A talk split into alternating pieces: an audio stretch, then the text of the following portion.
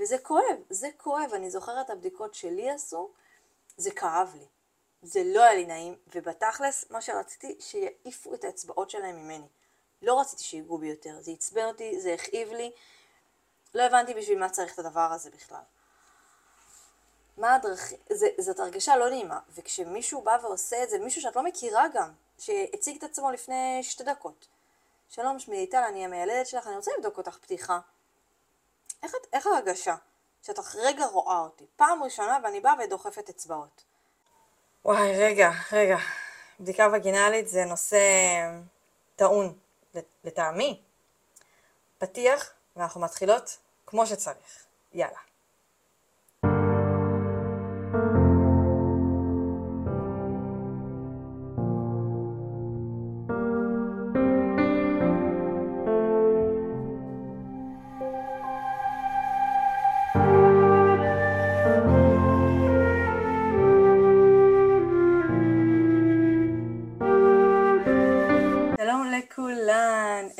כיף שאתן פה. הגעתן לפרק השמיני בפודקאסט משני, משני פסים ועד להנקה של אחרי. איזה כיף.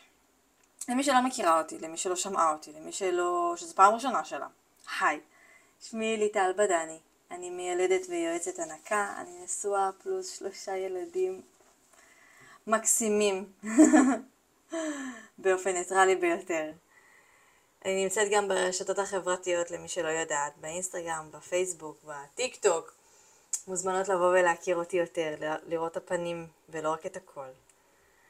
הפרק אני רוצה לעסוק בבדיקה וגינלית. אני חושבת שזה נושא אה, מאוד אה, טעון. למה אני אומרת טעון? בואו נתחיל מזה שזה המקום האינטימי שלנו. שזה המקום הכי אה, קדוש נקרא לזה. זה מקום שהוא שלנו, מקום שעד כה רק הבן זוג שלנו התעסק בו, אנחנו התעסקנו בו. אה, הרופא נשים שלנו פעם ב- התעסקו בו, ולקראת, אה, ובהיריון ובלידה בפרט, לא רק את מתעסקת בו, או הבן זוג שמתעסק באיבר, בפוט, אלא עוד המון המון אנשים אחרים, שהכרת אותם לפני שלוש דקות שהם הציגו את עצמם. זה לא, לא משהו הרי הגיוני, נכון? אנחנו מבחינתנו, בוא נחשוב רגע לצד השני, על הבן זוג שלנו. כמה אנשים נוגעים לו באיבר מין, בחיים, וכמה אנשים נוגעים לנו באיבר מין, בחיים שלנו. זה מין הפך להיות סוג של... אה, אני לא רוצה להגיד עלה ובאללה, אבל uh, זה, לא, זה לא נשאר האיבר האינטימי שלי יותר. זה איבר שדרכו יוצאים תינוקות, אז כל מי, שמביא, כל מי שעוסק בתחום הזה יכול לבוא ולגעת בו. Uh, הוא רלוונטי, הוא איבר ש...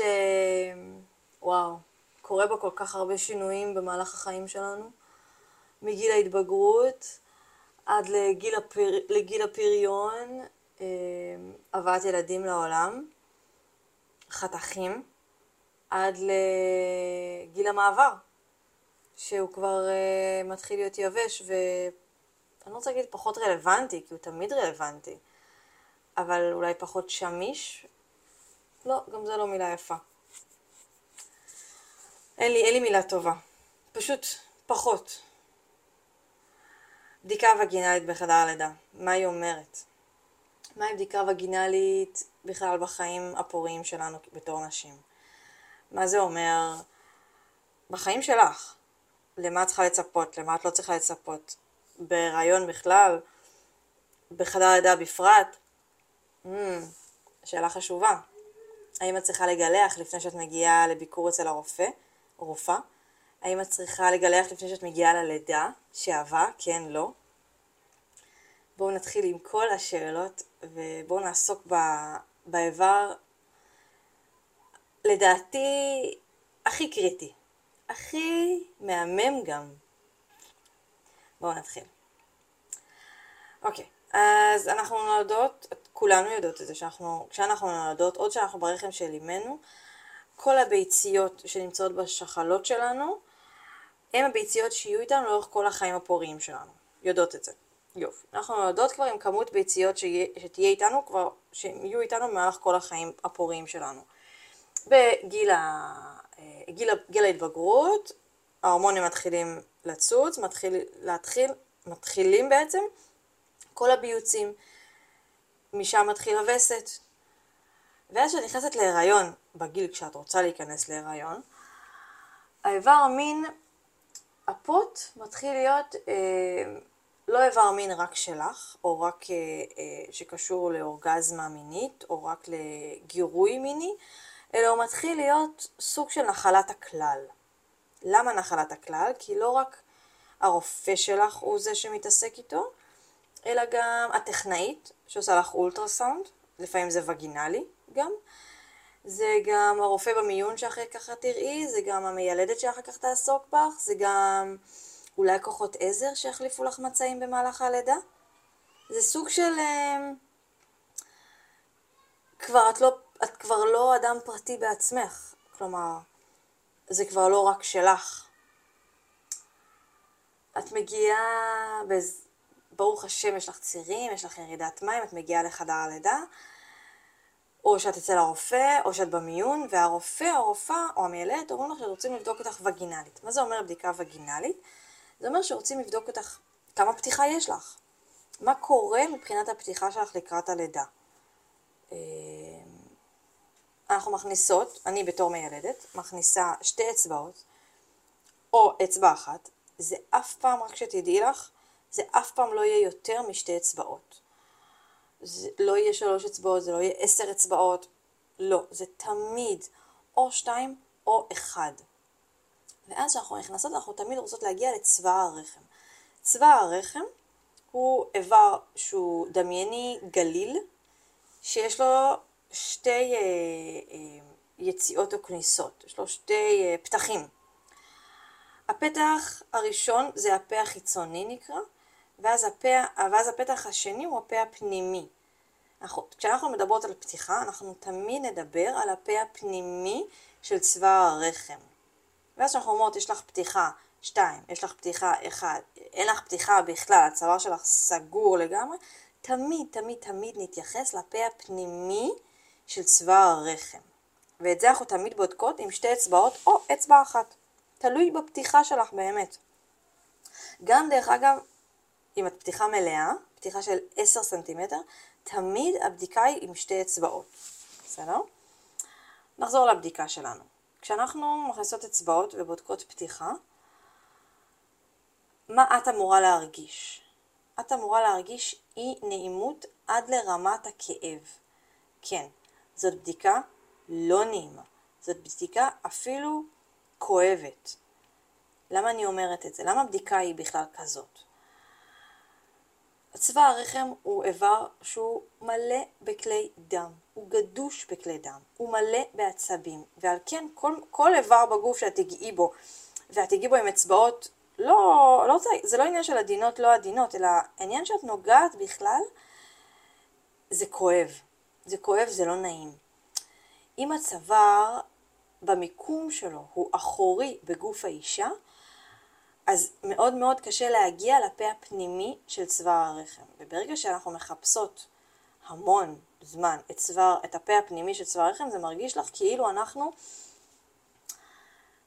אמ, כאילו אנחנו מגיעות לצוואר שלך, לצוואר האמיתי, לגרון אנחנו מגיעות, כי אנחנו מכניסות אצבעות מאוד מאוד עמוק, וזה כואב, זה כואב. אני זוכרת הבדיקות שלי עשו, זה כאב לי.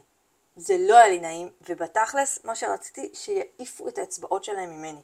לא רציתי שיגעו בי יותר, זה עצבן אותי, זה הכאיב לי, לא הבנתי בשביל מה צריך את הדבר הזה בכלל. מה הדרכים, זאת הרגשה לא נעימה, וכשמישהו בא ועושה את זה, מישהו שאת לא מכירה גם, שהציג את עצמו לפני שתי דקות. שלום, שמי ליטל, אני המיילדת שלך, אני רוצה לבדוק אותך פתיחה. איך, איך ההרגשה? שאת רגע רואה אותי, פעם ראשונה ואני באה ודוחפת אצבעות. אני בכוונה מדברת בצורה כזאת בוטה כי, כי, כי, כי זאת ההרגשה של הצד השני, כלומר. אני רוצה לתת לכם כמה טיפים רגע, איך, לעשות את הבד... איך לעבור את הבדיקה בצורה הנעימה ביותר. בצורה ה... כמה שפחות לא נעימה. אוקיי. טיפ מספר אחד, זה לבקש שישכיבו את המיטה כמעט עד לרמת הפרקדן. ממש גב ישר. זה עוזר להגיע לצבא הרחם. טיפ מספר 2 זה לשים אגרופים מתחת לטוסיק. זה מרים את האגן שלך וגורם לנו בתור צוות הרפואי והמילדותי להגיע בקלות יותר לצבא הרחם. טיפ מספר 3 להיות רפויה. איזה מעצבן זה. איזה מעצבן המשפט הזה. תהיי רפויה. אז כן, פה את צריכה להיות רפויה. את צריכה רגע להרפות את כל השירים ביריחיים, בפוט, בטוסיק, ברצפת האגן, הכל להרפות, לנשום רגע, ואז הבדיקה היא יותר נעימה, פחות לא נעימה. אז ההגעה לצבא הרחם עם האצבעות שלנו היא קלה יותר, ואז אנחנו עושות את זה בזריזות, במהירות, יודעות מה הפתיחה שלך ויוצאות החוצה. בדיקה וגינלית לרוב, מה שנשים מספרות, שזה בדיקה כואבת. ואז הן מספרות את זה גם אחת לשנייה, לחברות, לבנות דודות, ל... שהיא בדיקה כואבת ועדיף להימנע ממנה. אז בואו רגע נשים את הקלפים מהשולחן, כן, זו בדיקה כואבת, כבר אמרנו אותה, זוכרות למה זוכרות. צבא הרחם הוא, הוא איבר מלא כלידה, מלא עצבים, זה כואב, במיוחד אם הוא אחורי בגוף של האישה. אבל, וזה אבל מאוד מאוד גדול, אם את מגיעה עם צירים מוקדמים בשבועות מוקדמים, אם יורדים לך המים, אם את בלידה פעילה, אם פתאום יש לך דימום שהוא ברמת הווסת, כמו מחזור, או את לא מפסיקה לדמם, משהו פה לא תקין. את חייבת לעבור בדיקה וגינלית. למה? למה את חייבת לעשות את זה? למה אנחנו חייבים לעשות את זה? כדי לדעת מה קורה לך בצבא הרחם. לדעת אם העובר הזה במצוקה או לא. לדעת אם את בלידה. אם את, אם את בצירים מוקדמים, לדעת אם את בכלל בלידה, אם את הולכת ללדת עכשיו פג. אם את מדממת מאיפה הדימום הזה קורה, אם זה מצבא הרחם, אם אם זה מהשליה, אם זה מהרחם, מה קורה לך עם הדימום הזה? בהיריון לא מדממים, במיוחד לא ברמת המחזור, את יודעת. אם את בלידה פעילה, כמה לידה פעילה את? אם את יכולה אפידורל להספיק, להספיק אפידורל, אם את לא יכולה להספיק אפידורל, אם עוד שנייה הראש יוצא. יש כל כך הרבה פקטורים ושאלות שאנחנו שואלות את עצמנו בזמן שאנחנו בודקות אותך, בזמן שאנחנו באות ומדברות איתך במיון, במעקב במהלך ההיריון, בחדר הלידה בכלל, כל כך הרבה שאלות שאנחנו שואלות אותך, ותוך כדי זה אנחנו רצות עם תרחישים בראש. מה אני אמורה לצפות כשאני בודקת אותך? לאן זה אמור להוביל אותי? מה השלב הבא שאני הולכת לעשות? מה אני אמורה, מה אני אמורה לעשות כשאני מגלה את המקרה, כשאני מגלה אותו? יש לי כל מיני אה, אה, תרחישים בראש למה שהולך לקרות לי. מה הולך להיות השלב הבא שלי בתהליך שאותו אני מבצעת מולך. משהו שאני לא אומרת לך, דרך אגב. אני פשוט חושבת אותו בראש, זה מה שעובר לכולנו בראש. יש לנו המון המון מחשבות של מה הולך לקרות לנו בתהליך מולך. אנחנו לא אומרות אותו, אנחנו חושבות אותו. בדיקה וגינלית היא בדיקה חשובה, היא בדיקה שמביאה לנו המון המון מידע בתור צוות רפואי ומילדותי. יחד עם זאת, היא לא בדיקה, בחדר הלידה היא לא בדיקה שצריך לבצע אותה לעיתים קרובות. תמיד כשאני נכנסת לחדר, אני מופקדת על שלושה חדרים כשאני, כשאני עובדת במשמרת בחדר הלידה.